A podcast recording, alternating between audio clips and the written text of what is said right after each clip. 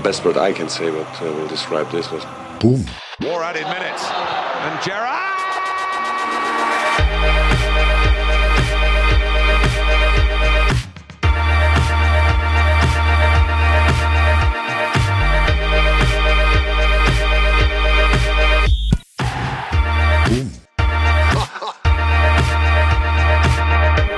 You'll Never Talk Alone, en podkast av, med og for Liverpool-support. Hei sann, og velkommen til en ny episode av din favorittpodkast, You'll Never Talk Alone. Hvordan er stemninga etter 3-0-tap mot Barcelona og en 3-2-seier mot Newcastle? Øyvind? Jeg kan begynne med den i går, da, siden det er ferskeste minne. Altså, det følelsesregisteret jeg gikk gjennom der, det er altså ja, fra, fra, nærmest gråt og vantro og melankoli og desperasjon til eh, eufori og skrik og skrål fra balkongen og full fres. Eh, ja, er egentlig ganske lett i, i kroppen, kjenner jeg. Eh, den Newcastle, eh, altså snuoperasjonen der, den hjalp. Det er, på, eh, det er, noe med Origi og special moments i ja. sesongen her. Altså, det var utrolig deilig å se den gå inn. Men uh, vi skal ta mer, mer um, reaksjoner og sånn senere. Vi har jo fått med oss en gjest som antageligvis er litt mer fornøyd med hvordan det går i Champions League enn oss, Øyvind. Uh, skribent for Blaugrana Tobias Dale, velkommen til studio. Tusen takk skal du ha. Uh, hvordan ble du Barcelona-supporter? Uh, jeg ble Barcelona-supporter gjennom eh, det brasilianske landslaget i VM 98, som hadde en trio på topp i Bebeto, Ronaldo og Rivaldo. Så det ble Inter og Barcelona. Og ja, skal slippe å få høre hele historien, men det er gradvis har det da blitt til en dyp kjærlighet for den klubben, vil jeg tørre påstå. Jeg kjenner til hvordan det er en dyp kjærlighet til en klubb, men ja. hva, hva, hva, er første inntrykkene du sitter med etter 3-0 på noe kamp? Var det det du hadde sett for deg?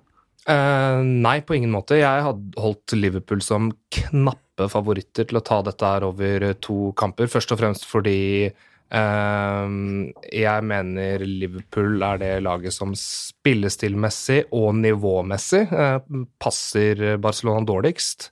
Vi kan vel snart begynne å konkludere med at Barcelona, Liverpool og Manchester City har vært de tre beste lagene i Europa denne sesongen. Og jeg tror eh, Altså Da Barcelona trakk Liverpool, eh, så fikk jeg noen sånne eh, assosiasjoner til Heinkes Bayern München. Ja. Og da Barcelona spilte mot Heinkes Bayern München, da med en mye mer utpreget sånn klassisk Barcelona-stil, da ble det jo 7-0 sammenlagt. Um, spesielt med tanke på dette høye presset som Liverpool er ekstremt god på, og som de også viste at de lyktes ekstremt bra med. Og så syns jeg Barcelona fikk uh, pinlig godt betalt, da. Mm. Sitter du med samme inntrykk, Øyvind, at det var pinlig godt betalt? Det var jo pinlig godt betalt, og, og eh, som Klopp sa, for utviklinga til laget og den følelsen av å på en måte etablere seg og dra til kamp nå og si denne her kampen, den skal vi pokker meg dominere og vinne og ikke gi det et sekund ro. Det klarte vi. Mm. Og så var jo resultatet helt grusomt, som han også sa.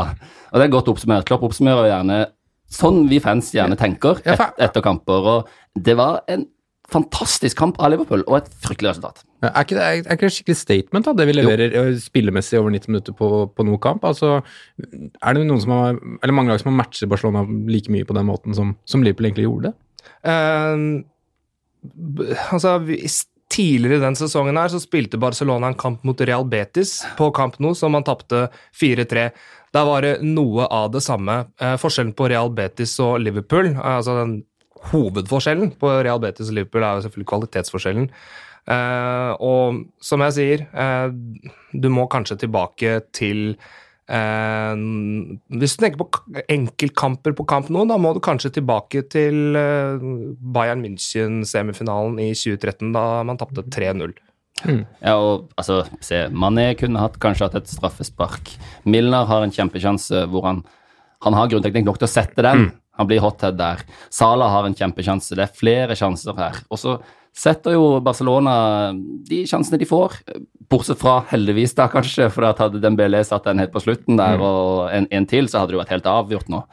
Nå mener jeg det er en viss sjanse Jeg mener det, faktisk. Liverpool har gjort ting før. Altså, Hva sier Roma, dere? For en Barcelona-fan er det ganske åpenbart. Altså, Roma syns jeg på en måte er eh, taler mot Liverpools eh, fordel. fordi at eh, hvis For det første, da man spilte mot Roma, så hadde man André Gomez, Dennis Suárez du, du, du hadde liksom ingen spillere å kunne kaste inn på. En annen ting er at man spilte mot Leganes, tror jeg man spilte mot tre dager i forveien, hvor man brukte åtte av de elleve som starta.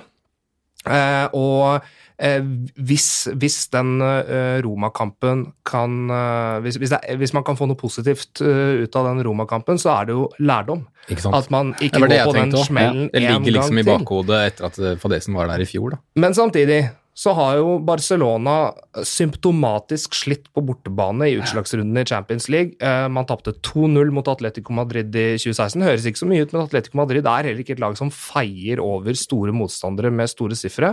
Eh, mot Juventus og PSG i eh, 2017 så eh, endte det henholdsvis eh, 0-3 og 0-4, og mot Roma i fjor.